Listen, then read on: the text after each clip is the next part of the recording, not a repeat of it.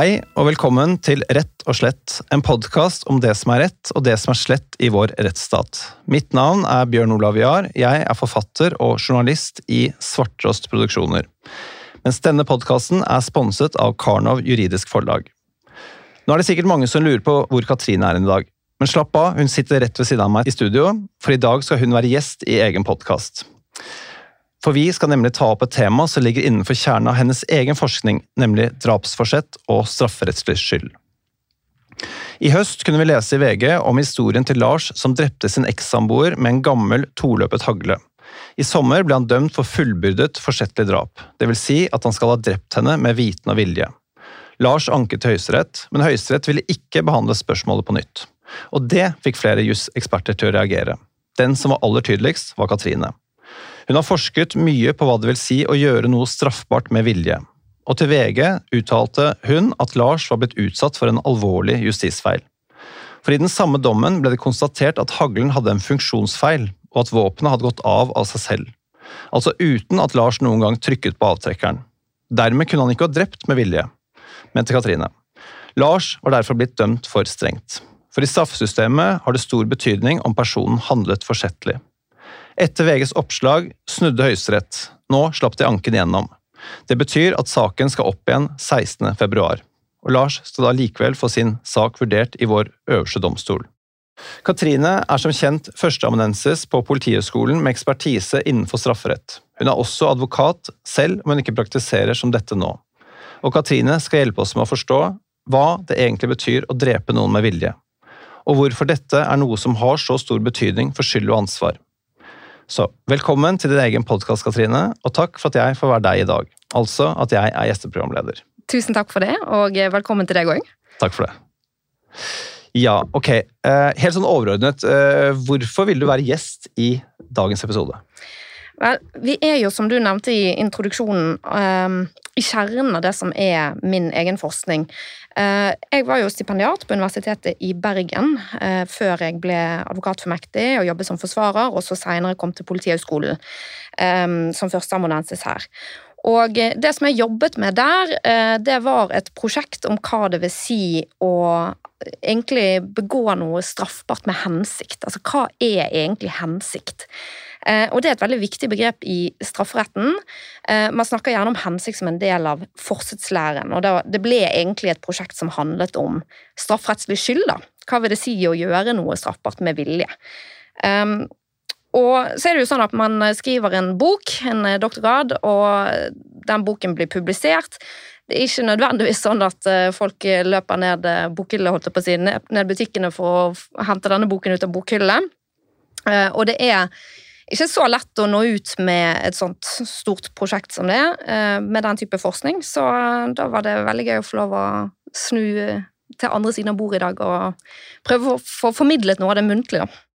Ja, og da er det jo alltid bra når man skal eksemplifisere det du holder på med, og da har du jo valgt deg haglesaken. og da er det veldig greit å få vite litt mer om hva er det den går ut på. Ja, det er egentlig en ganske oppsiktsvekkende sak. Det er Den handler om eh, en fyr som er navngitt uh, som Lars. Man har bare brukt fornavnet hans, det kan vi bruke. Um, og som VG har skrevet om. da. Uh, og dette her er en hendelse som skjer uh, der Lars får besøk av, uh, i sin leilighet av sin eks-samboer. Og disse to drikker nok ganske mye alkohol, og etter hvert så blir det ganske dårlig stemning i, i denne leiligheten.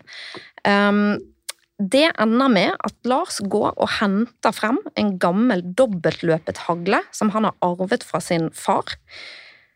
Og disse, stå, disse, to står nå i gangen eller litt sånn på vei, hun står litt sånn inn mot stuen, og han henter denne haglen. Og så går han tilbake igjen, og så knekker han opp denne haglen. sant? Sånn, Du knekker dette våpenet opp sånn at det deles i to, og så putter man inni to sånne patroner i løpene. Og så lukker han denne haglen, og da går den av av seg sjøl. Og det våpenet eh, og de skuddene som da avfyres automatisk idet det lukkes, altså idet løpet går sammen, det treffer eks-samboeren hans, som da dør ganske raskt etter det. Så en ganske utrolig eh, sak. Um, han har ikke rørt avtrekkeren på dette våpenet, uh, men likevel så dør altså da eksen som følge av at hun ble skutt med dette våpenet. Um, det er også viktig å understreke her at det er enighet i domstolene om at det er en våpendefekt som utløser skuddene. Uh, det har vært gjort en kriminalteknisk undersøkelse av Kripos, og de har vel uh, Jeg tror de har brukt prøveskutt med 28 patroner og våpenet gikk konsekvent av hver gang man lukket løpet. Um, og man er også enig om at han ikke visste at dette våpenet ville gå av. Så kjernen i denne saken det er egentlig det at lagmannsretten de sier til eh, Lars dette gjorde du med vilje. Um, og så er det sånn at I strafferetten så har det veldig mye å si om det man gjorde, var Altså om man mente å true, eller om man mente å skade, eller om man mente å drepe. Altså det har noe å si for hvilken rettslig merkelapp du setter på noe. Eh, er det en trussel, skal dette dømmes som en trussel? Er det et drapsforsøk, skal det dømmes som det? Er det et fullbyrdet drap, altså personen har også dødd? Så dette er ulike typer rettslige merkelapper som man setter på handlingene, og det har mye å si for hvilken straff du får etterpå. Så, og det som jeg egentlig stiller som spørsmål her, er kan man drepe noen med vilje? Altså Her mener man at dette er et forsettlig fullbyrdet drap, altså gjort med viten og vilje. Hvis man ikke har kontroll over det som forårsaker døden? Det er jo et godt spørsmål. Eh, det er det jo. Samtidig som, som, som, som for meg som legmann da, så er det lett å tenke sånn Ok, eh, det var da veldig uflaks da, at han skulle treffe henne eh, sånn at hun faktisk døde. Altså Det der skuddet kunne jo gått i alle mulige retninger, skulle man jo kunne tro, men det treffer akkurat henne der hvor hun sitter eller ligger eller står. Eh, mitt inntrykk er at det ikke er noe tvil i, hos retten om at dette våpenet gikk av allerede ved sammenklappingen. Det er ganske klart. Ja. Jeg hører jo at du, at du har engasjert deg, men, men hva, hva, er det som, som, gjør denne saken her så spesielt, uh, spesiell for deg, eller hvorfor har du engasjert deg akkurat i denne saken her? Altså, jeg tenker Det er viktig å understreke at det er ikke sånn at Lars er uskyldig i det som skjer her. Altså, han eh, skal eh, uansett i det minste straffes for uaktsomt drap, altså for noe som han er grovt å klandre for å, å ha tatt hennes liv. Um, men så er det sånn at det skal jo være riktig, da. Det er jo det som er viktig i strafferetten. Det skal være riktig. Uh, så det handler ikke egentlig om om du har sympati, eller hva det er for noe. Det skal være riktig. Og det er, det er viktig for rettssystemets legitimitet. da.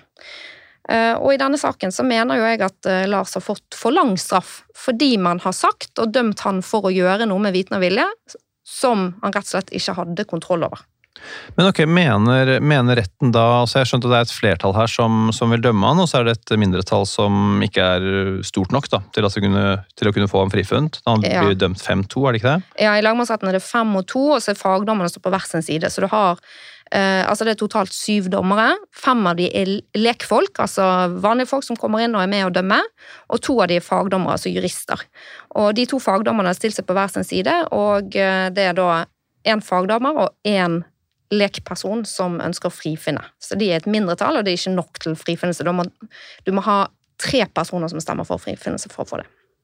Ok, men hva, hva, hva tenker du, Lerte? At du har allerede vært inne på det, at det er et, uaks, du mener at det er et uaktsomt drap. Uh, hvorfor mener du at det er et uaktsomt drap? Eh, kunne han, kunne han, visste ikke Lars om at denne hagla kunne gå av? Ja, altså kan jo bare eh, presisere først. Altså, så, når jeg sier frifinne, så mener jeg å frifinne for det som går på forsettlig fyllbyrdet drap. Altså at det var med viten og vilje. ikke sant? Eh, han skal uansett da dømmes for uaktsomt drap, og det er jo grovt uaktsomt drap det er på en måte, I strafferetten så er det to hovedformer for skyld. Du gjør noe med forsettlig, med viten og vilje, og så finnes det ulike måter og ulike definisjoner av hva forsett er for noe. Og så kan du gjøre noe uaktsomt, eller grovt uaktsomt. sånn ekstra klander der. Og det handler om det som Altså, du gjorde det, du, det var ikke med vilje, men du er likevel grovt å klandre for at det skjedde. Altså, du burde han, Du har vært uforsiktig, for eksempel. Um, og det som han gjør i denne saken, er jo veldig klanderverdig. Altså, for det, han gjør, er å hente et gammelt våpen. Han, de fleste forstår at uh, våpen innebærer risiko.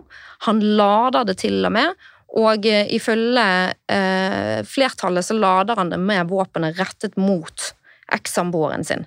Så det er en livsfarlig situasjon. Det er super, super risikabelt. Men så er det jo òg et spørsmål her hadde han drapshensikt. For det mener jo flertallet i lagmannsretten. Altså, de mener jo også at de finner bevist at han faktisk hadde til hensikt å drepe henne. Uh, og hvis det stemmer, så skal ikke han bare dømmes for uaktsomt drap, da skal han dømmes for drapsforsøk. Og det kan jo høres veldig merkelig ut, fordi at uh, hun, hun, dør jo faktisk. Uh, og skal man da dømme for drapsforsøk?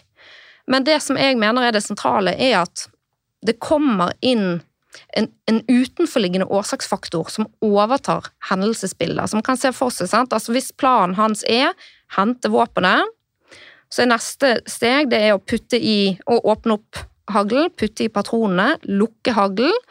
Så skal han sikte på fornærmede, og så skal han trykke på avtrekkeren. Og det er det som er drapshandlingen, å trykke på avtrekkeren sånn at våpenet går av. Men her er det jo sånn to steg tidligere i dette hendelsesforløpet, altså allerede ved sammenklappingen, før han kommer til at han trykker på avtrekkeren, så går jo denne våpendefekten av. og Det er en utenforliggende årsaksfaktor som han ikke har kontroll over. Som han ikke er klar over. Ok, Da lurer jeg på, fordi i og med at hun faktisk blir truffet, og i og med at hun faktisk dør, så, dette, så må dette løpet være pekt mot henne når han klapper det sammen. Eh, er det det som gjør at han på en måte blir dømt? Er det det man sier at liksom, du må helt åpenbart ha hensikt til å skyte henne? Hvis ikke så hadde du jo, så hadde peila det våpenet et helt annet sted i rommet eh, enn akkurat mot henne. Ja, altså Lagmannsretten sitt flertall de resonnerer jo sånn at de mener at han har pekt våpenet mot henne når han klapper det sammen, Um, og det ser de ut ifra skuddretningen, altså måten, retningen på skuddene inn i kroppen hennes. Uh, og det om, altså skuddretningen vitner om at han har skutt ovenfra og ned, altså svakt pekende nedover i 45 grader, mot henne, og at hun på en måte har kommet under han, um, og så at han har skudd fra den retningen. Uh, og flertallet mener jo da at uh, den Altså, det er et bevis for drapshensikt. Mm. Altså skuddretningen. Men jeg helt Altså, jeg blir ikke helt overbevist av det. Eh, og grunnen til det er jo at også hvis du truer med et våpen, så vil jo du sikte mot personen. Eh, så skuddretten, eller våpenretningen i seg sjøl, altså hvilken retning du holder våpenet i når det graver av av seg sjøl, det gir oss ikke så veldig mye i forhold til om dette var en trussel, eller om det er drapshensikt. Men jeg blir veldig eh, Jeg syns det er veldig spennende med altså, den bevisvurderingen som man må gjøre her. da. Eh, som, så om man hører om til inngangssår eller skuddsår og sånne ting. Eh, og det peker nedover. Altså han Står han og hun sitter, eller ligger hun? Eller hva, hva er det som gjør sitt at, til at han skyter nedover mot henne? Ja, og dette her er det jo litt sånn uklare punkter i dommen, sant? og der flertallet og mindretallet ser ulikt på det. Eh, mindretallet i lagmannsretten de mener jo at eh, det som har skjedd, er at han lader dette våpenet, og så idet det går av, så får det en voldsom sånn eh, et byks, altså våpenet det, det, smeller jo, ikke sant? Eh, så det får sånn voldsomt byks som gjør at det er i bevegelse, og derfor så kan man ikke noe si noe sikkert om på en måte i hvilken retning eh, på en måte han, han sto når dette skjedde. Eh, mens for flertallet så kombinerer de dette argumentet med at han eh, Våpenretningen med at han forklarer at han pekte i en annen retning. Ikke sant? Og, og, det får ikke de til å stemme at han pekte i en annen retning. Eh, og dermed så på en måte undergraver han sin egen troverdighet og blir ikke trodd på det. Så Nei. det er kombinasjonen av at hans troverdighet undergraves for at det stemmer ikke med de tekniske funnene, den forklaringen. Sant? Så det blir kombinasjon av våpenretningen med at hans forklaring ikke stemmer. Ja, det er klart Hvis han sier at han pekte en annen retning, og han likevel treffer henne, så må jo enten så er det en sånn sidelengs rekyl han får idet i det våpenet går av, eller at hun beveger seg og hiver seg inn i skuddlinjen, da. Mm. Eh, som må måtte være forklaringen. Hvis ikke det er at han står rett over henne. Ja, og dette er veldig vanskelig å si nøyaktig hva som skjedde, og, det, og jeg må jo også understreke at jeg har jo ikke sett bevisførsel i retten her, eh, så jeg vet jo ikke. Men det jeg stiller spørsmål ved, er om han har altså om man har tatt tilstrekkelig hensyn til den rimelige tvilen eh, i denne bevisbedømmelsen. Altså Mindretallet mener jo da at, eh, at de, altså det at våpenet fikk et sånt byks og kom i bevegelse, og at det da er vanskelig å si noe om våpenretning osv., det underbygges av at han hadde et sår på hånden fra der våpenet har på en måte smelt tilbake igjen. da. Så jeg vet ikke, men jeg tenker at uh, uansett nå, nå skal jo dommen behandles i Høyesterett på nytt, og den skal opp 16. februar. Det blir veldig spennende å se. Da kan jo ikke Høyesterett prøve bevisene. Så det de skal ta stilling til og må forholde seg til, de må jo da forholde seg til lagmannsrettens dom, den bevisvurderingen som er gjort i lagmannsrettens dom. Så dette er jo en sånn spesiell side ved ankesystemet vårt. sant? Siden Høyesterett ikke kan ta stilling til bevis, så er det nå noe som er etablert som en sannhet. Og det, den sannheten som er på en måte etablert, er da at han hadde en drapshensikt. Han siktet det våpenet mot henne. Eh, det gikk av av seg sjøl ved sammenklapping. Han kom aldri til avtrekkeren og trykket på avtrekkeren. Og så skal Høyesterett ta stilling til er det rettslig sett nok for å si at dette var et fyllbyrdet forsettlig drap, eller eh, kan, bør man si og nøye seg med å si at dette var et drapsforsøk. Eh, og da Hvis jeg kan bare fullføre det poenget som jeg var inne på i sted, eh, så er jo eh, Normalt så straffes man for at man har eh, begått en straffbehandling. Man har gjort alt som står i straffebudet, og man har fyllbyrdet, sier man. Man har gjort alt det som står der, som gjør det til en fullverdig fyllbyrdet straffbehandling. Og så er det sånn i strafferetten at straffansvaret vårt det utvides for de aller fleste straffbare handlinger til et forsøksstadie. Det vil si at det er ikke straffbart bare å faktisk drepe noen, men også å forsøke å drepe noen. Så ofte så kan du straffes for noe der du ikke har gjort alt som skal til for at straffebudet er oppfylt, fordi du har kommet over det vi kaller for den nedre forsøksgrensen. Du har kommet tilstrekkelig nært gjennomføringen til at du kan straffes for det. Det forutsetter jo da at du har fortsatt, altså typisk en hensikt om å fullbyrde denne handlingen. Her da typisk en hensikt om å drepe. Eh, og i så fall, da, hvis han har denne drapshensikten, vi legger det til grunn, eh, og våpenet går av allerede ved sammenklappingen, så er han og, og lagmannsretten skriver at de mener at han er sekunder unna å trykke på avtrekkeren likevel, så dette har bare Det som har skjedd med lagmannsrettens flertall, det er bare det at eh, drapstidspunktet fremskyndet noen eh, marginalt i tid, bare noen sekunder frem i tid. Han ville gjort det rett etterpå likevel. Så er du utvilsomt over det som er den nedre, så du har kommet nært nok til at man kan straffe deg for et drapsforsøk. Men det er da ikke en fullbyrdet handling. Men det som også kan skje i Høyesterett, er at de mener at premissene og sånt er så uklare eh, i dommen, og at det er vanskelig å skille hva som egentlig er juss og faktum her. Eh, og Da kan det ende med at de opphever saken og så sender den tilbake til lagmannsretten, og så blir det en ny bevisvurdering. Og Da kan det hende at den nye lagmannsretten kommer til et annet resultat, at det ikke er bevis for at hensikten var å drepe. Ja.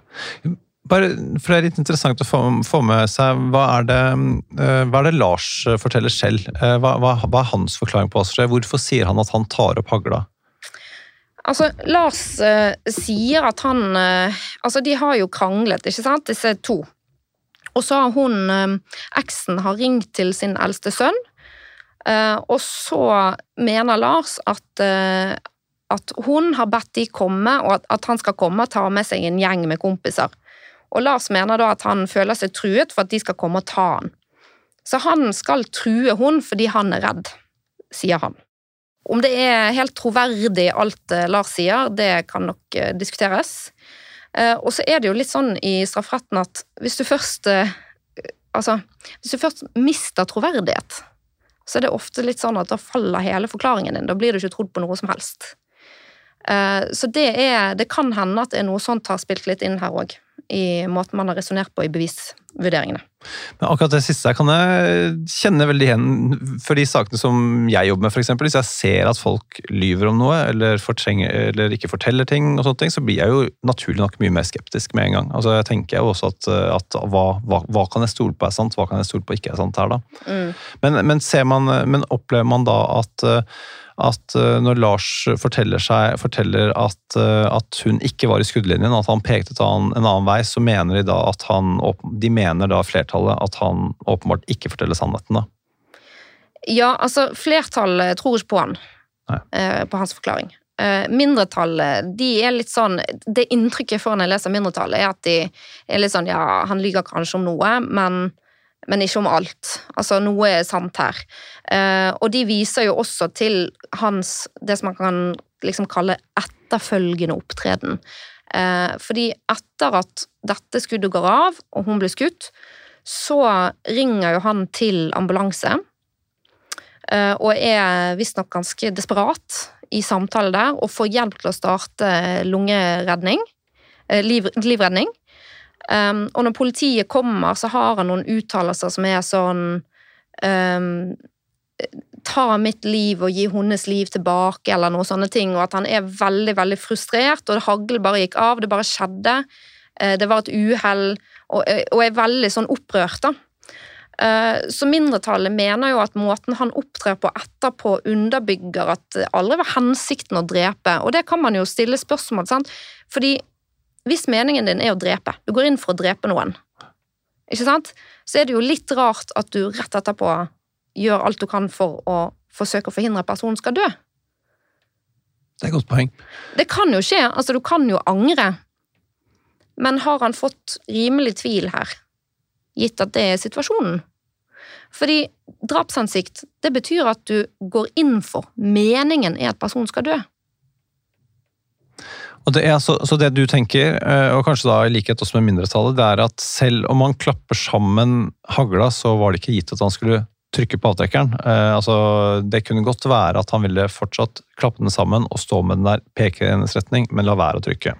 Ja, og her kan jeg ta opp en annen ting sant, som jeg uh, syns det er litt sånn uh, Det var en, en, en, jeg kjenner som er dommer, og som sier det veldig godt. Altså at uh, hver gang hun skriver dom, så leser hun over domspremissene etterpå for å sjekke at hun ikke bruker sånne såkalte trylleformularer. Altså ting som bare går opp fordi at det bare skal få det til å gå opp. ikke sant?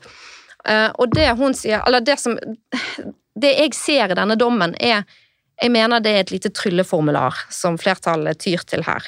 For det, det de sier, er at eh, de finner det bevist utover enhver rimelig tvil at han ville trykket på avtrekkeren et par sekunder etterpå.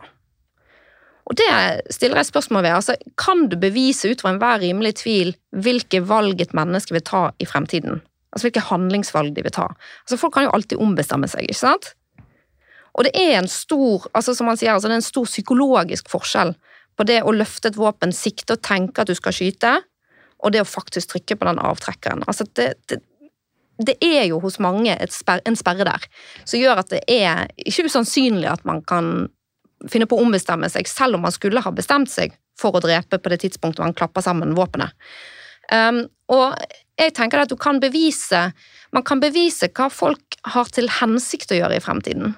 Men kan du bevise at de vil gjøre det? Altså, har vi den på en måte opp mot det strenge beviskravet vi har i strafferetten, altså vi skal være oppe på 95% sikkerhet, kan vi bevise det opp mot den graden av sikkerhet at han ville trykket på avtrekkeren, eller kan vi bare bevise at han hadde til hensikt å gjøre det på det tidspunktet han klappet sammen våpenet?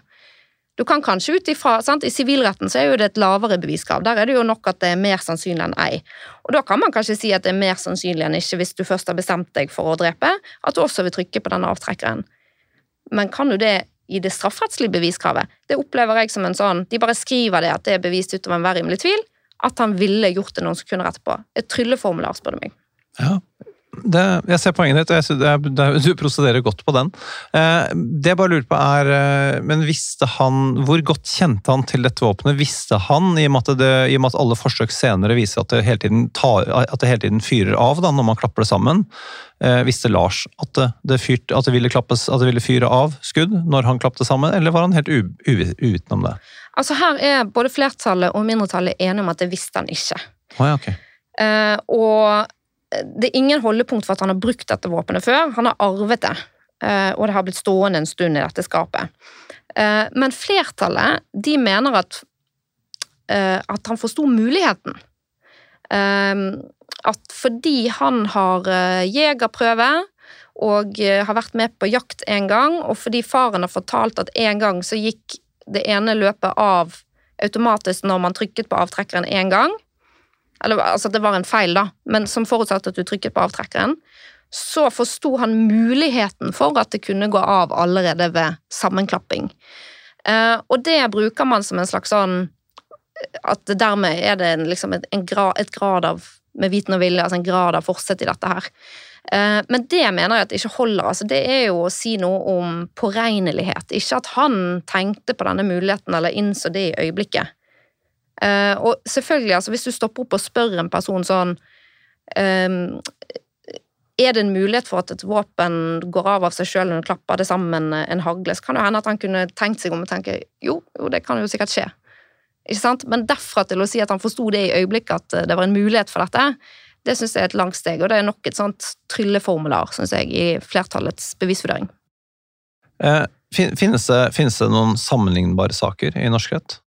Ja, du har en uh, sak som uh, er omtalt som Mehamn-drapet. Uh, det er en sak oppe fra Nord-Norge i en liten by som heter Mehamn.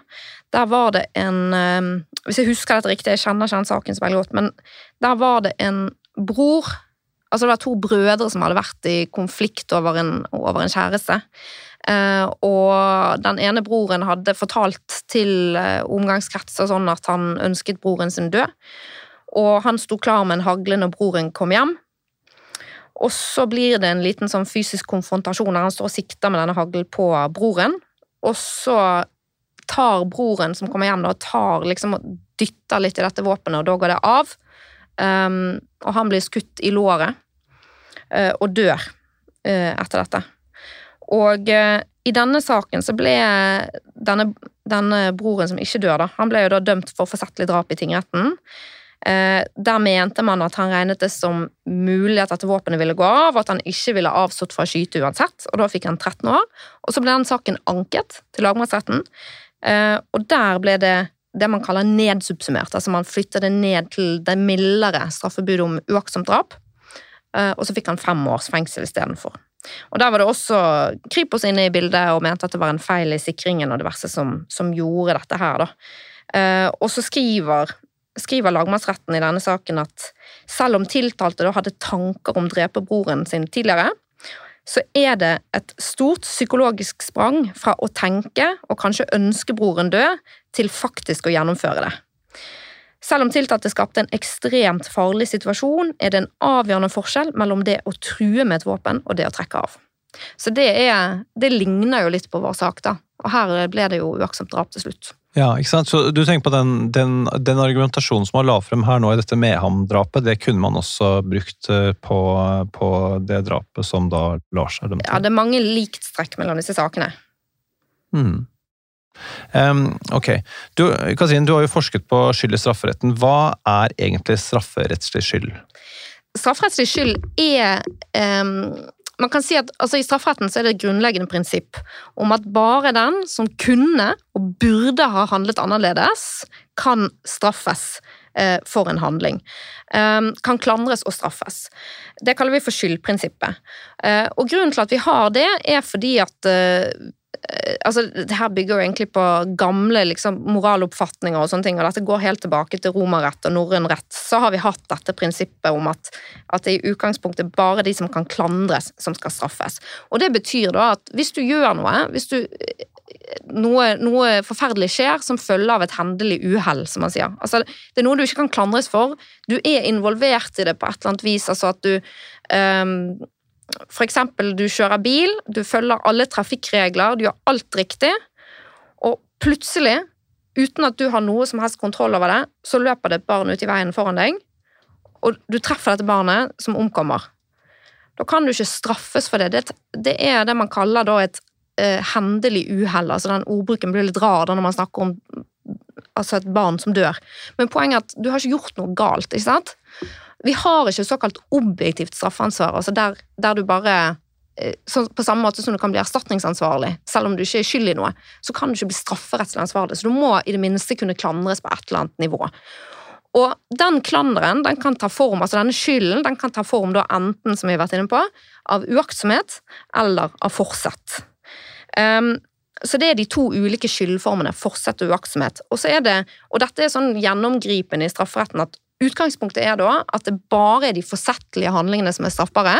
Det er liksom hovedregelen, det står i straffeloven. Så det betyr at i utgangspunktet må alle straffbare handlinger være gjort med viten og vilje for at det skal være straffbart. Men den praktiske hovedregelen er jo likevel da at lovgiver har gitt masse særegne straffebud som, eh, som rammer uaktsomhet særskilt. Eh, så også der du kan klandres Du gjorde det ikke med vilje, du mente ikke å gjøre det, men du kan klandres for det, så straffer vi det. Og da er det jo typisk, hvis jeg tar han, han som kjører bil igjen ikke sant? Denne gangen så kjører han altfor fort. Rundt en sving. Han har ikke sikt. Eh, det er gjerne i et område der man vet at barn ferdes og går hjem fra skolen, og så løper dette barnet ut i veien. Da kan du bli dømt for uaktsomt drap. Fordi du kunne klandres for det. Og det samme med Lars, når han tar frem dette våpenet. Mm. Um, ja. Så det er på en måte hovedforskjellen. Så kan du si da at, så, sånn som jeg beskriver det i mitt doktorgradsprosjekt, da, at fortsett er egentlig en lære som handler om at du blir ansvarlig for det som du i vid forstand mente å gjøre. Uh, mens uaktsomhet det er da en lære der du kan bli ansvarlig for noe som du ikke mente å gjøre, fordi du burde ha gjort annerledes. Altså, du burde ha kjørt saktere, du burde ha vært mer forsiktig rundt svingen, du burde ha gjort ditt og datt. Altså, du hadde handlingsalternativer som du kan klandres for at du ikke valgte. I, i strafferettslig sammenheng så snakker man om hensikt. Hva, hva ligger det i det? Ja, altså um, Forsettet, sant. Altså denne læren om det man gjør med viten og vilje, som er hovedregelen i strafferetten, at det skal være et forsett der. Den har tre ulike varianter. Man snakker om hensiktsforsett, det som kalles for sannsynlighetsforsett, og noe som kalles for eventuelt forsett, eller dolus eventualis, altså et latinsk navn. Um, og Den siste varianten er ganske spesiell, så den kan vi la ligge. Den, uh, den sliter domstolen mye med òg. Der er det mye dommer som oppheves fordi man beskriver det uriktig. Men vi kan fokusere på de to første, som er liksom de hovedtypene. da. Uh, og hensiktsforsett, det er jo da um, det handler om altså Det som jeg på en måte har identifisert og, definert hensiktsforsett som altså Det går egentlig ikke an å, å sammenfatte det i én setning. altså Det er et utrolig komplekst begrep, hensikt. Men det man kan si litt sånn enkelt, er at det handler om midler og mål.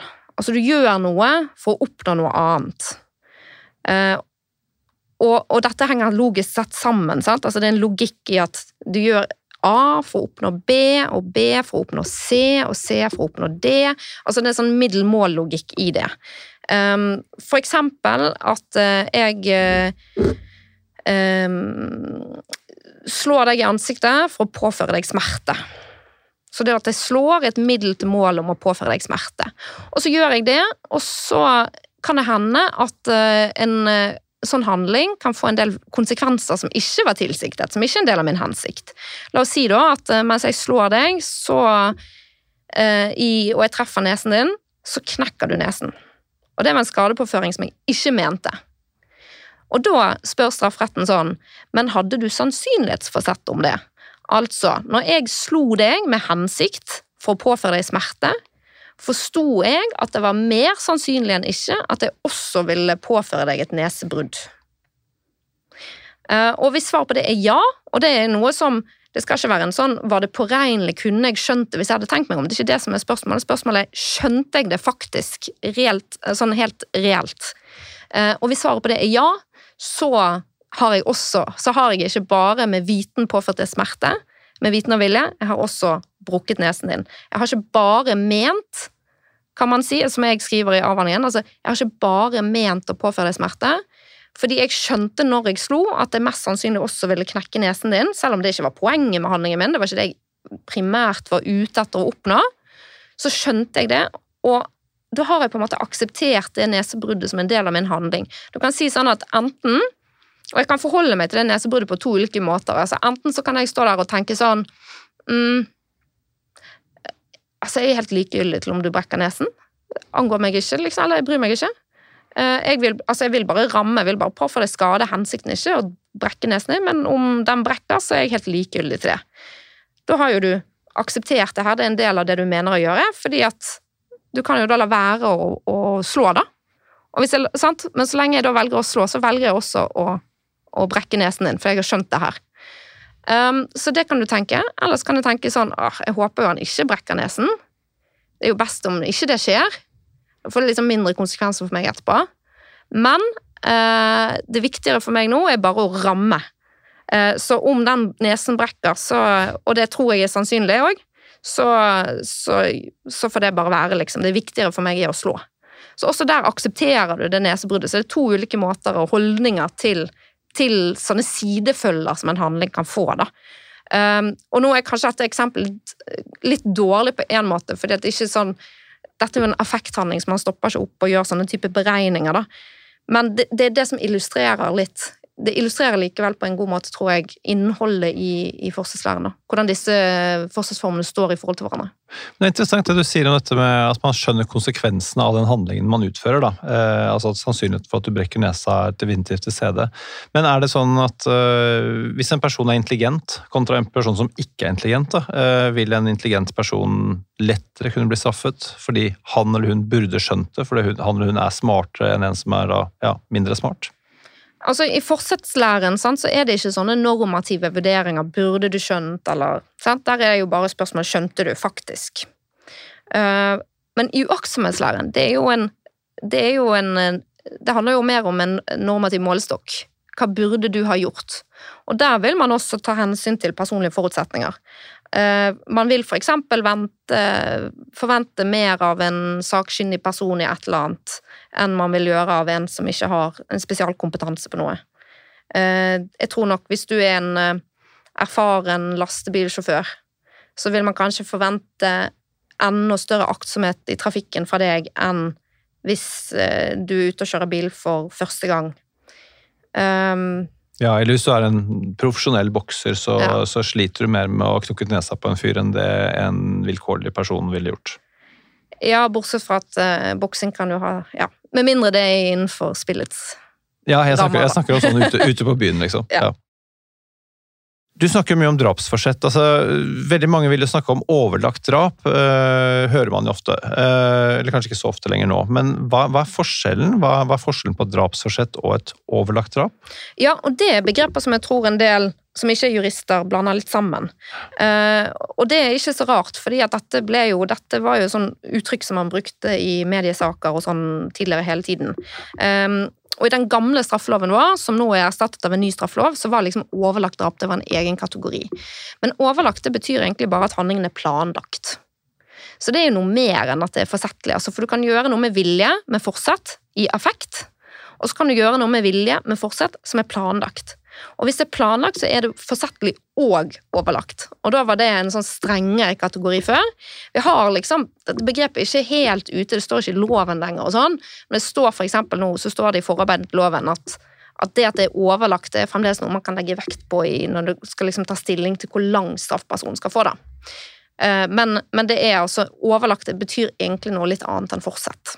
Så typisk sånn i Lars i tilfelle, hvis, hvis denne hagla hadde vært eh, funnet frem og vært ferdig ladet før hun kom på besøk, så, ja. så ville han på en måte vært eh, kanskje lenger enn drapsforsettet. Da ville man på en måte kunne touche inn mot overlagt. Ja, så overlagt forutsetter jo at du gjør det med viten og vilje men det handler om at du i tillegg har planlagt det.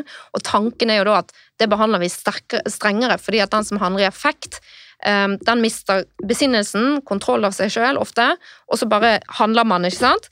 Mens den som har planlagt noe, altså det er liksom den kjølige, kalkulerte drapsmannen, ikke sant? Den vil vi ramme hardere, da, i strafferetten. Det, det, det, snakkes ofte om denne såkalte adekvanslæren. Hva, hva er det for noe? Ja, um, og det kommer jo også opp i denne, i denne saken til Lars, adekvanslæren. Og det skal jeg kjapt uh, Jeg skal komme til det, men jeg bare kjapt først si noe om hvorfor jeg mener at det drapet da ikke er et forsettlig fullbyrdet drap. Jeg har vært litt inne på det. sant? Poenget her er jo at jeg mener at for Lars da, så holder det ikke Selv om han mente å drepe, så holder ikke det fordi han kom jo aldri så langt. Altså, dette våpenet gikk jo av før han rakk å ta den endelige beslutningen, og det betyr at våpendefekten overtar hendelsesutviklingen på et tidspunkt som gjør at han blir fratatt på en måte muligheten til å ombestemme seg etterpå. Um, og jeg nevnte dette her med sant? Jeg snakket om hensikt i stedet. Det handler om midler og mål uh, i handling. Og poenget her er jo at det å klappe sammen dette våpenet var jo aldri ment å være middelet til å drepe. Altså middelhandlingen, drapshandlingen, der målet er dødsfølge, ikke sant? Det var jo aldri sammenklappingen som var middelhandlingen. Det var ikke det som skulle være drapshandlingen. Drapshandlingen skulle jo være å trykke på avtrekkeren.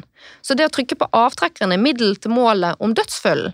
Men det lagmannsretten gjør da, er at de nøyer seg med å konstatere at ja, men han hadde jo til hensikt at hun skulle dø, og så klapper han sammen våpenet. Ok, riktignok, han trykker aldri på avtrekkeren, men han klapper sammen våpenet, så oppnår han endemålet sitt. Han oppnår at hun dør. Og da er på en måte Da, liksom, da, da konkluderer de der at da er dette her eh, i boks. Da er det et fyllbyrde forsettlig drap. Han hadde fortsatt om at hun skulle dø, og hun døde. Men så er det noe i strafferetten da, som heter, og nå blir det litt sånn teknisk igjen, men noe som heter dekningsprinsippet. Og dekningsprinsippet det betyr at dette fortsetter, det at du handlet med viten og vilje, det skal dekke hele straffebudet, altså hele gjerningsbeskrivelsen. Den som dreper en annen, er gjerningsbeskrivelsen i drapsbestemmelsen. Og det betyr at i det, da, den som dreper en annen, så må du, for det første så må du forstå at det er et menneske du, du dreper. Det er jo helt klart her. Eh, I tillegg så skal du da utføre en drapshandling. Sant? Du må med viten og vilje utføre en drapshandling. Og så skal det være årsakssammenheng mellom den drapshandlingen du utfører, og den dødsfølelsen som drapsbestemmelsen forutsetter. Forutsetter også at fornærmede faktisk dør. Hvis fornærmede overlever, så blir det jo et drapsforsøk, eventuelt. da. Eh, Men det ser man ikke i denne saken her. Altså, fordi den, det som blir drapshandlingen, altså sammenklappingen av våpenet, det er ikke under kontroll. Det er ikke med viten og vilje en drapshandling. Så han kommer aldri til drapshandlingen. Eh, Og dermed så blir det på en måte et brudd. Altså det er ikke det er, kanskje, det er jo en årsakssammenheng mellom at han klapper sammen våpenet og at fornærmede dør. Men hans forsett med viten og vilje må dekke at det er altså selve drapshandlingen, og at den, og det som er den tilsiktede drapshandlingen, står i eh, årsakssammenheng med dødsfølgen. Og det skjer ikke her. Det blir jo et brudd. Og så nevnte du adekvanslæren. Og adekvanslæren er det er egentlig en lære som er skrevet ned i noen gamle lærebøker, og som er videreført, og som er veldig sjeldent aktuelt. Eh, og det er en veldig spesiell og sånn sær teoretisk eh, teori, som er veldig lite utviklet også. Det er egentlig nærmest bare skrevet noen setninger her og der eh, om det. Og det den liksom tar sikte på, den sier at i tilfeller der du da typisk La oss si at Lars har kommet til å trykke på avtrekkeren og avfyrt våpenet, så bommer han på fornærmede, og så treffer denne kulen på en, eh, et metallfat som henger på veggen. Og fordi det treffer dette metallet, så får det en sånn Kommer det i rekyl, altså det får en ny kurs, og kommer tilbake igjen, og så treffer det fornærmede likevel. Det er kanslæren. Den sier da at i noen tilfeller Og la oss si da at bare for enkelhets skyld, at denne, eller for å gjøre det enda mer tydeligere, da, at denne kulen ikke bare treffer han i metallplaten, men eh, den går videre via enda en gjenstand, og så eh, Og så treffer han fornærmede. Eller man skyter mot fornærmede, bommer, men fornærmede blir så redd av å bli skutt mot at fornærmede bare faller sammen og dør av skrekk. Får rett og slett hjertestopp. Ja. Det er første du snakket om, det er eh, rikosjett og sånne ting. Det Ja. høres ut som en litt sånn teori på sånn JFK-drap. eh, Sånn type, ja. eh, Som, ja. Ja, altså, poenget er at denne læreren sier noe om sånne situasjoner der du, du har trykket på avtrekkeren, du har skutt, hvis det er det det handler om. Du har begått din handling, men så skjer det noe på veien som gjør at årsakssammenhengen blir inadekvat. Altså det blir en upåregnelig årsakssammenheng. Og så dør fornærmede. Og da vil du ikke bli hva, hva, slags, hva slags dom vil du da få? Da er dette en ansvarsbegrensning. Det er en lære som sier at i visse sånne tilfeller, når omveiene blir veldig mange, så kan det hende at vi sier at ikke du skal straffes for drap, fullbyrdet forsettlig drap, men at det, man regner det som noe annet som på en måte overtar utviklingen. Men det som er greien at, og det er denne læren lagmannsretten går inn i, og det er denne de bruker for å domfelle han. Men jeg mener de kommer inn i læren på en måte på feil grunnlag, altså de kommer inn bakenfra. For denne læren er ikke en lære om hva som er fullbyrdet forsettlig drap, det er en ansvarsbegrensning som sier at hvis noe, hvis du har trykket på avtrekkeren, så kan det hende at vi noen ganger likevel ikke skal dømme deg. Så det forutsetter at forsettet er der. Mm. Ikke sant? Men i denne saken så har han jo ikke begått en forsettlig drapshandling. Nei, eh, men det mener jo lagmannsretten, da. Ja, fordi at de fokuserer bare på endemålet, sant? dødsfull inntrer. Det er forsettlig. men du skal også begå den handlingen. Du skal jo gjøre noe som forårsaker dette, og det du gjør, skal være forsettlig med vilje. Han klapper sammen våpen, det er jo riktig nok. Det gjør han med vilje, han klapper sammen våpenet med vilje. Men han mener ikke å drepe med å klappe sammen våpenet.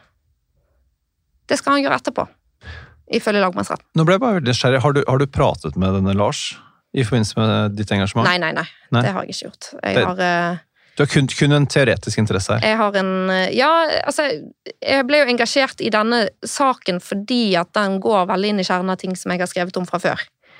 Uh, og ble veldig overrasket over at Høyesterett avviste den anken, la merke til denne saken da den kom.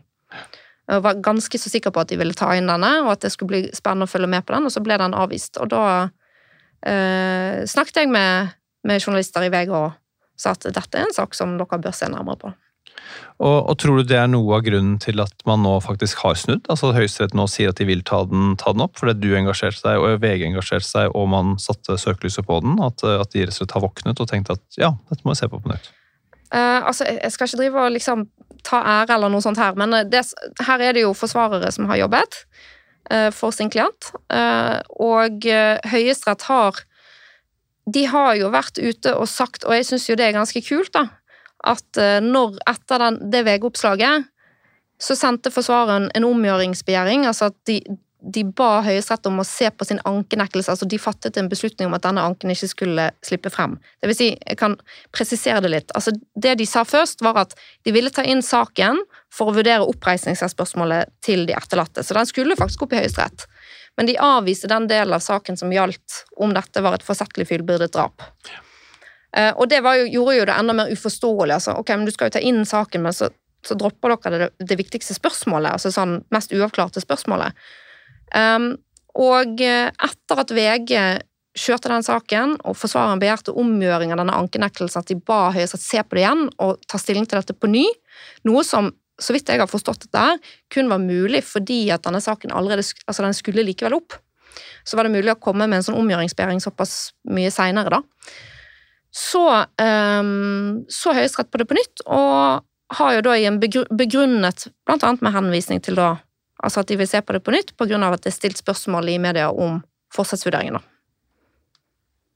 Så derfor så skal den opp da 16. februar. Ja, og Hva tror du utfallet blir? Jeg tror at eh, Det er vanskelig å spå. Men jeg tror at eh, Høyesterett ikke kommer til å dømme for fullbyrdet forsettlig drap. De kommer til å gjøre én av to ting. Enten, tror jeg, så kommer de til å si at dette er et drapsforsøk. Eh, og det resonnementet, vet ikke om jeg fikk fullbyrdet helt i sted, men poenget er jo da at når det kommer en sånn utenforliggende årsak inn og avbryter en gjennomføringsplan, altså det du skulle gjøre, så må man ta et stillbilde på det siste tidspunktet der han er i kontroll over situasjonen, og så må du spørre hvor langt var han kommet når du tar det stillbildet, altså i det våpendefekten, den utenforliggende årsaken overtar. Og så er spørsmålet, har du da kommet over den nedre forsøksgrensen? Og gitt sånn som lagmannsretten beskriver bevisene, at det bare var sekunder til han ville trykke på avtrekkeren, så har han det. Altså da er du over forsøksgrensen. Så det er en sannsynlig utgang. Men det er også, som jeg var inne på i sted, sånn, ganske sannsynlig at Høyesterett vil si at uh, i denne dommen så er det ganske uklart hva som er juss og hva som er faktum, og disse tingene er jo også veldig vanskelig å skille fra hverandre. Sant? Altså hva er bevis, og hva er rettslige vurderinger av bevisene. Det henger veldig tett sammen i disse spørsmålene, og at man vil si at det henger så tett sammen her at dette må sendes tilbake igjen. Så da opp, vil de i så fall oppheve dommen fra lagmannsretten og sende tilbake og si at denne må dere se på på ny. Og det tror jeg ville være lurt. Det er jo eh, forsvareren til eh, Lars Bjørn Aksel Henriksen. Han sier jo til VG, og som han understreker, dette er ikke et rettslig argument, men det er jo faktisk 9 av 14 dommere i denne saken som har vært involvert i tingrett og lagmannsrett, som har ment at man ikke hadde nok bevis for drapshensikt. At det ikke var med vilje, at han ikke mente å drepe. Ok, ja, men dette, dette er jo kjempefascinerende. Det blir jo veldig spennende da, med, med 16. februar. Ikke minst for Lars, vil jeg tro. Ja. Men også selvfølgelig for, for alle dere som er engasjert i saken. Absolutt. Det blir eh, veldig spennende å se. Og jeg tror altså at liksom, Hvis jeg skal oppsummere hovedbudskapet mitt til Høyesterett her, da, så er det jo det at for, for hensikt så er det ikke nok og ut ifra dekningsprinsippet, det er ikke nok at endemålet, altså at formålet, er der. Også det du gjør, også selve drapshandlingen, må være under kontroll. Altså det må være med viten og vilje. Eh, og hvis ikke, så, så, så, er det et brudd i det som skjer, og du har ikke, du ikke fortsatt dekket straffebudet.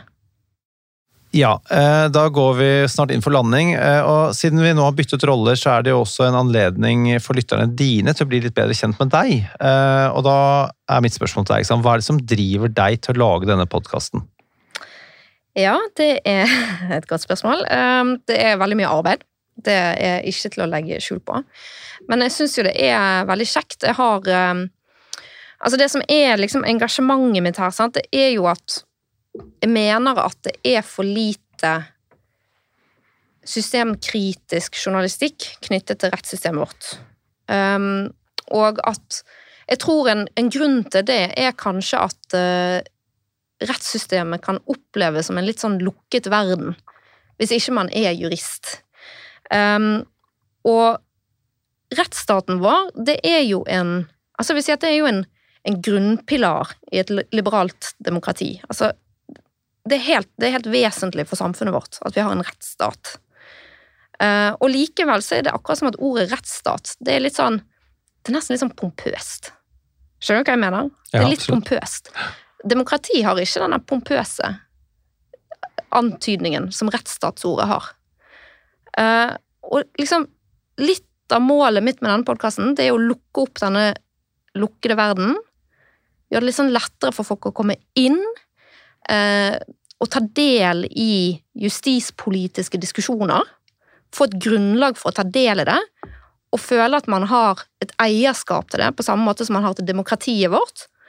Og så er det Man kan si altså Jeg har et mål om at ordet rettsstat skal bli like upretensiøst å si som demokrati. Da har vi lykkes. Hvis vi snakker så mye om rettsstaten at det bare føles like naturlig og like upretensiøst som demokrati, da føler jeg at jeg har lykkes med noe. Så det er målet mitt. Så fint. Eh, og Hvordan tenker du at det har gått så langt? Hva, hvor, hvordan oppleves det nå? Hva er barometeret der ute med, hvis man sier rettsstat? Hvordan oppleves det på folk, tror du? Det vet jeg ikke. Jeg får hyggelige tilbakemeldinger. Jeg tror mange synes at uh, jeg, har, jeg, har, et inntrykk av at jeg faktisk har ganske mange lyttere som ikke er jurister. Kanskje hoveddelen av lytterne mine er ikke jurister, tror jeg faktisk. Uh, det er i hvert fall de jeg hører mye fra. Og de setter pris på at jeg forklarer begreper og sånn, og jeg tror for noen jurister så blir det mye at jeg forklarer legalitetsprinsippet 100 ganger, ikke sant? men det er et sånn utrolig viktig begrep, og hvis man da hører en episode for første gang og ikke har hørt legalitetsprinsippet før, hørt det ordet, så må det på en måte forklares for at man skal kunne henge med, da.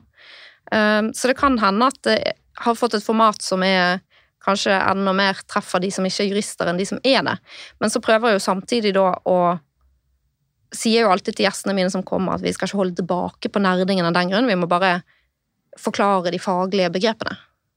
Nettopp. Og, og de juridiske begrepene. Ja, og, og, og, hvor eh, Jeg mener tilfanget av saker er ganske stort, eller av emner. Eh, så du kan vel holde på hvor lenge som helst, kanskje. Men eh, hva, ja. hva, hva er planen din? Nei, jeg tror Jeg tenker at jeg skal holde på så lenge det er gøy, da. Det er liksom Det er tanken. Så lenge det er gøy, så fortsetter jeg. Eh, når, hvis det blir mer mas og slitsomt enn givende og meningsfullt, så slutter jeg. Ja. Mm -hmm. Får håpe det, du ikke kommer dit, da. Ja. Eh, og så kommer vi til noe som er veldig gøy, eh, nemlig den avsluttende spalten. og Den har du sikkert tenkt veldig mange ganger på, for det, du har jo sittet og stilt spørsmål til folk. Hvor mange episoder har du hatt alt i alt nå? Eh, er det 40? Eh, ja, 50 snart. Oi, 50. Eh, og, eh, og, da er jo spørsmålet Vil du fremheve noe som er rett eller slett i vår rettsstat? Ja. Er det sånn man må velge, eller kan man ta begge deler? Eh, det kommer litt an på hvor god tid vi har. Ja. Noen ganger er jeg streng, og så sier jeg at du må velge. Ja, Men jeg er ikke streng, og du får selvfølgelig lov til å både si hva som er rett, og hva som er slett. Ok, Da skal jeg begynne med noe som er rett. Um, en ting som er rett og som jeg eh, tenkte litt på i går, reflekterte litt på i går når jeg satt og så på disse dokumentarene som NRK har laget om eldreomsorgen, og som avslører ganske sinnssyke ting som skjer på norske sykehjem, og som skjer i hjemmepleien osv. Um, ehm, altså sånn alvorlig svikt, rett og slett, i eldreomsorgen vår. Um, så kommer det inn en, en leder som skal uttale seg om dette, en som har ansvar. Og så er det liksom Da er det sånn Det, det blir på en måte av De er litt kjappe med å avfeie det som NRK har dokumentert så de har på video, alt som anekdoter. Altså dette her er litt sånn De, de må undersøke nærmere om ting stemmer. Ikke sant? Og det til tross for at det NRK har på video, det er sånn Ja, det er enkelthendelser, det er for så vidt anekdoter, men det er på en måte så grove og uverdige ting, da. eh, At det i seg sjøl, etter mitt syn, vitner om at hvis det kan skje, da er det jo en svikt her. Altså, det, er eh, Altså, et eksempel er eh, at eldre blir lagt klokken fem om ettermiddagen. Flere ganger. De legges over en lang periode, de legges hver dag klokken fem. Selv om de ikke er trøtte. Og de blir båret med tvang i seng uten at det er vedtak. Et eksempel, ikke sant? Eldre som ikke får dusjet på tre uker. Som utvikler soppinfeksjoner på kroppen fordi de ikke får dusjet og vasket seg. Eldre som blir funnet sittende på toalettet fordi noen har glemt de der. Mange timer senere kommer man og finner noen som sitter på toalettet og henger over en sånn gåstol. Eldre som, ikke, som, som opplever at tennene råtner på sykehjem fordi de ikke får hjelp til tannpuss. De ser seg sjøl så grovt da, at det vitner om at noe er feil. Og så er liksom svaret nei, her skal vi finne ut. Vi, vi må undersøke om dette stemmer. Og der syns jeg at det som er rett i justissystemet vårt, er at tross alt så har vi en bedre forståelse for det å ta ansvar, syns jeg. Altså bare se Baneheia-saken, sant? Premisset her er helt klart. Ett justismord er ett for mye. Man kunne jo sagt at Baneheia-saken det skjedde for 20 år siden. Politiet har lagt om måten man jobber på, det er et helt annet system i dag. Vi vet veldig mye om hva som har skjedd. Vi trenger ingen granskning. Altså, Det argumentet har ikke vært oppe engang. Altså, Premisset er, sagt, eh, er satt. Baneheia-saken, den skal granskes. Selv om mye kan være annerledes i dag. Fordi ett justismord er ett for mye. Bare, vi går inn, vi tar ansvar. Det er en enkelt sak, men vi går inn og tar ansvar, og vi tar det på alvor. Det er veldig bra. Det tok litt tid, men uh, veldig bra. det, det gjorde det, og det er utrolig mye som kan kritiseres i Baneheia-saken. Og det er jo også en viktig grunn til å se på den og granske den. da. Så, men, men, jeg syns likevel at når man først på en måte har identifisert såpass alvorlige ting, så går man inn og tar tak i det, da. Når man først har blitt enige om faktum. Så kan, er det kanskje Det er jo selvfølgelig også i, i justisverdenen en stor kamp om hva som er sannheten, da. Mm. Før man kommer dit. Uh, når det gjelder ting som er slett, så um, så syns jeg det er slett at rettsvitenskapelig forskning i for liten grad når frem til det som er sluttbrukerne våre, altså for oss som juridiske forskere, altså til domstolene. Um, I domstolene de får så lite penger, har jeg hørt, at ikke de engang har råd til å kjøpe inn litteratur lenger. Og Det betyr at vi sitter på universitetene og produserer forskning som ikke blir tatt i bruk i det praktiske rettsliv. Um, og det som du ser det på òg, altså domstoler de belager seg i veldig stor grad på lovkommentarer. Altså kommentarer som er skrevet inne, i lovene. Og det er um, Det er noe som Altså, en lovkommentar er jo egentlig det som har minst rettskildemessig verdi. Fordi det er ikke tilstrekkelig gjennomarbeid. Det er ikke uh, nødvendigvis et vitenskapelig Det har ikke nødvendigvis et vitenskapelig grunnlag, altså rettsvitenskapelig grunnlag. Um, og likevel så blir dette her brukt hele tiden i domstoler, og du ser mindre og mindre og mindre av den juridiske litteraturen som blir tatt i bruk. Eh, det finnes også det liksom Man hører om høyesterettsdommere som de er liksom negative til at det legges frem for mye teori fra partene. Så Hvis du skal stå i Høyesterett og prosedere, sant? må du for all del ikke komme med for mye teori. Da blir det høyesterettsdommerne irritert. Og det til tross for at de har jo da en ambisjon om at det skal være en prejudikatsdomstol. Altså de skal jo ta, skal jo ta stilling til altså Grunnen til at de velger ut de sakene de gjør, er jo fordi at de har verdi for andre saker som ikke står foran de der og da. Og da trenger jo du å løfte litt det teoretiske blikket. Men det, det er de negative til. Eh, sånn at det er Jeg mener at rettsvitenskap som en forskningsgren har ikke fått den samme kunnskapsstatusen i domstolene som andre vitenskapsgrener har hos sine respektive sluttbrukere. Veldig bra. En kraftsalve der til slutt. Så ja. Tusen takk for at du var gjest i ditt eget program, eh, og for at jeg fikk være gjesteprogramleder. Og tusen takk for at du stilte som programleder. Bare hyggelig. Takk for i dag.